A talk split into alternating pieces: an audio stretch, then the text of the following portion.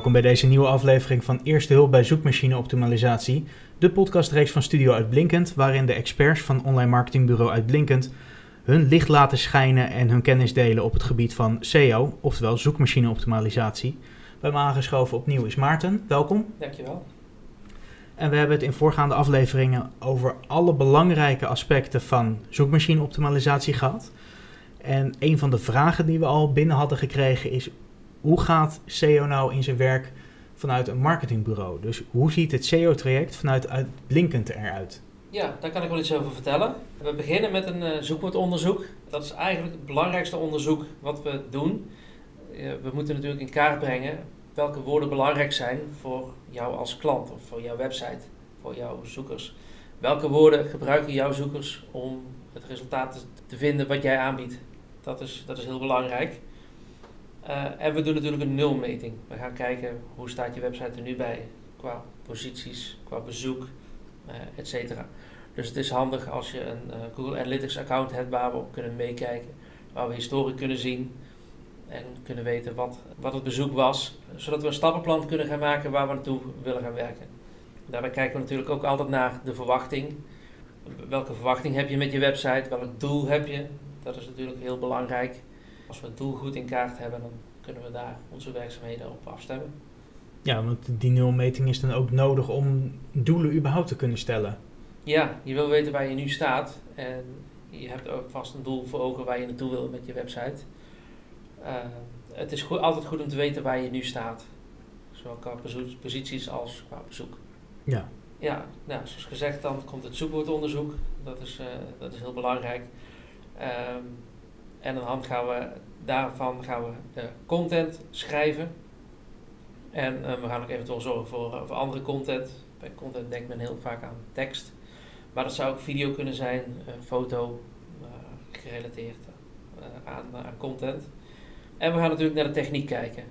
want het is met SEO zo, alles valt of staat met de zwakste schakel. Als je website heel goed ingericht is en je website is niet beveiligd of is heel traag bijvoorbeeld, nou, dan kan dat jouw vindbaarheid gewoon heel erg schaden. Ja, want met SEO wordt er eigenlijk altijd gezegd, content is het sleutelwoord. Maar daar wordt er eigenlijk wel vanuit gegaan dat alle technische aspecten gewoon op orde zijn.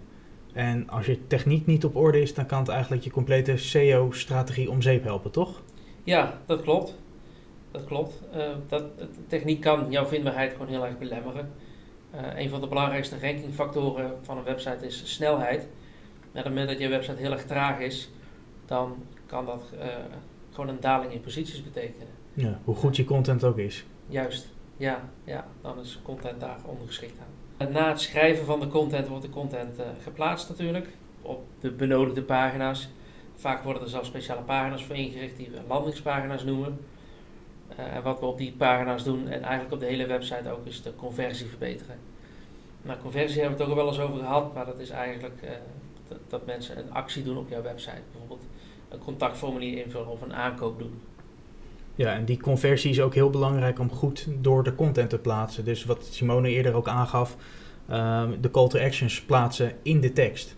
Ja, dat is heel belangrijk. Ja, dat ze goed opvallen. Want je kan je, je buttons bijvoorbeeld wel heel erg uh, laag onder de tekst plaatsen. Maar voordat mensen daar naartoe gescrolld zijn, dat, dat, is gewoon een gemiste kans. Dus hoe duidelijker en hoe beter in je content uh, die call to action staan, des te beter het is. En des te eerder ze opvallen en des te eerder een bezoeker daar ook gebruik van maakt. Ja. Want een bezoeker wil eigenlijk gewoon aan het handje meegenomen worden uh, om op de juiste plek te komen voor datgene wat hij zoekt. En het is de kunst van uh, een, een, marketingbureau om ervoor te zorgen dat die bezoeker de juiste route aflegt en zo snel en zo efficiënt mogelijk op de juiste plek terechtkomt en de juiste aankoop doet bijvoorbeeld. Ja, en is er ook een bepaalde tool die helpt om die conversie te verbeteren? Of waarmee je ziet wat je moet verbeteren? Uh, de tool die wij het meeste gebruiken bij Uitblinkend uh, is Hotjar.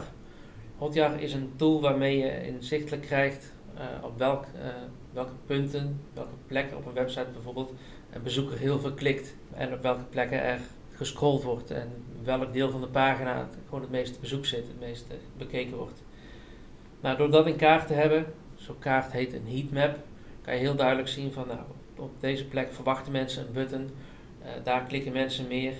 Of mensen klikken juist een button aan, maar er gebeurt niks. Dus je kan bijvoorbeeld fouten uit de website halen. En zijn er naast Hotjar nog andere tools die helpen om een website te verbeteren of in ieder geval te zorgen dat je resultaten in kaart krijgt? Ja, een van de belangrijkste tools om resultaten in kaart te krijgen is Google Analytics. Uh, eigenlijk kan je tegenwoordig bijna niet meer zonder Google Analytics, uh, omdat het gewoon zoveel inzicht geeft. Google Analytics geeft je heel veel inzicht in je eigen website uh, en geeft, Google geeft ook zichzelf heel veel inzicht daardoor. Om een voorbeeldje te noemen, we hebben ook een keer eerder gehad over bijvoorbeeld bounce rate. Nou, een, een, bounce betekent iemand komt op je website en is daarna heel snel weer weg. Door dat in kaart te hebben, kan je daarop inspelen. Als je ziet dat op een bepaalde pagina de bounce rate heel erg hoog is, oftewel heel veel mensen komen op die pagina en zijn weer weg, dat geeft aan dat mensen op die pagina niet vinden wat ze zoeken. Eh, dus je moet zorgen dat mensen juist daardoor wel beter vinden wat ze zoeken. Of het kan zijn dat er een foutje op die pagina zit. En die informatie die gebruikt Google zelf ook om uh, pagina's te ranken. Een pagina met een hogere bounce rate bijvoorbeeld wordt lager gerankt dan een pagina waar de bounce rate wat, wat lager ligt. En stel je hebt geen Google Analytics uh, geïnstalleerd, dan houdt Google sowieso die percentages wel bij voor de zoekmachine zelf, toch? Ja, die, die houdt Google zeker zelf bij. Dus het, ja, het zou niet een truc zijn om als je website nog niet goed genoeg is, om nog geen Google Analytics te installeren om te zorgen dat, die, ja, dat je niet wordt afgerekend op je bounce percentage, want dat word je toch wel. Ja, dat word je sowieso. Ja, ja. Ja, en zo zijn er nog meer eh, componenten die je niet kan omzeilen door juist geen Google Analytics te installeren. Google is gewoon heel slim daarin en weet precies wat een bezoeker doet. En door Google Analytics geeft Google jou als, als uh, eigenaar van die website of ons als marketingbureau daar heel veel inzicht in. Waarop we die website kunnen verbeteren. En dat is natuurlijk in het voordeel van Google, want Google wil alleen maar pagina's tonen die, uh, die, die, goed zijn, die goed werken. Uh, het geeft ons als marketingbureau heel veel inzicht waarbij wij die klant ook weer gewoon optimaal kunnen helpen ja, een klant die haalt meer conversie door. Dus uiteindelijk is dat een win-win situatie voor, voor iedereen. Ja. Ja, en daarnaast monitoren we natuurlijk en sturen we ook bij. Het is heel belangrijk om te blijven monitoren. Het kan natuurlijk zijn als je ja, wat zaken hebt ingesteld en hebt verbeterd en denkt van nou nu zal het wel goed zijn. Het is heel verleidelijk om achterover te leunen en te denken van nou het was toen goed, maar en dat blijft altijd zo. Maar ja, de, praktijk is natuurlijk anders. Het kan zijn dat er wat zaken veranderen. Het kan zijn dat er ja, wat op je website verandert. Het zoekgedrag verandert, et cetera. Waardoor je zal moeten blijven bijsturen. Want dat is eigenlijk ook wel de conclusie uit die complete podcastreeks met alle onderwerpen die we hebben behandeld. Het is nooit klaar. Nee. Je moet altijd bij blijven sturen. Uh, Google komt met updates. Je concurrenten zitten natuurlijk ook niet stil. Dus zolang je goed wil scoren in zoekmachines, ja, blijft er werk aan de winkel. Ja, dat klopt. Dat klopt. Dat is fijn dat er tools zijn, uh, zoals ik al zei, Google Analytics, die ook inzicht geven zodat je kan bijsturen. Er zijn meerdere tools, uh, Google Trends bijvoorbeeld. Uh, zoekwoordonderzoek zou je nog eens opnieuw uit kunnen voeren. Je zou eens kunnen kijken of de zoekwoorden die je aan het begin bepaald hebt, of die nog relevant zijn, of daar nog veel op gezocht wordt, of juist nu wat minder. Het zoekgedrag van mensen verandert ook natuurlijk. Dus ja, er is zoveel verandering in de markt en online. Waardoor het belangrijk is om te blijven monitoren en te blijven bijsturen. Um, en uh, daar komt natuurlijk bij dat wij van uh, online marketingbureau uitblinkend, wij zijn hier de hele dag mee bezig. Wij zijn ook op de hoogte van de nieuwste trends, we houden dat allemaal goed bij. Zodat we ook kunnen bijsturen op basis van een bepaalde trend of een bepaalde Google update, waarvan wij al heel snel op de hoogte zijn. En dat is fijn. Dat betekent dat een ondernemer dat allemaal los kan laten en zich kan bezighouden met wat voor hem of haar belangrijk is. Inderdaad, want ook dat was een aspect dat heel erg naar voren kwam. Er zijn zoveel onderdelen van zoekmachine optimalisatie. Om alles goed bij te houden, ja, heb je gewoon heel veel werk eraan. En de gemiddelde ondernemer, die heeft daar, als het goed is, als de zaken goed gaan, geen tijd voor. Nee, en ook lang niet altijd interesse in. Een ondernemer wil ondernemen en uh, wil niet bezighouden met marketingzaken uh, of zoekmachine optimalisaties. En dat, eh, dat kunnen wij heel erg goed uit handen nemen.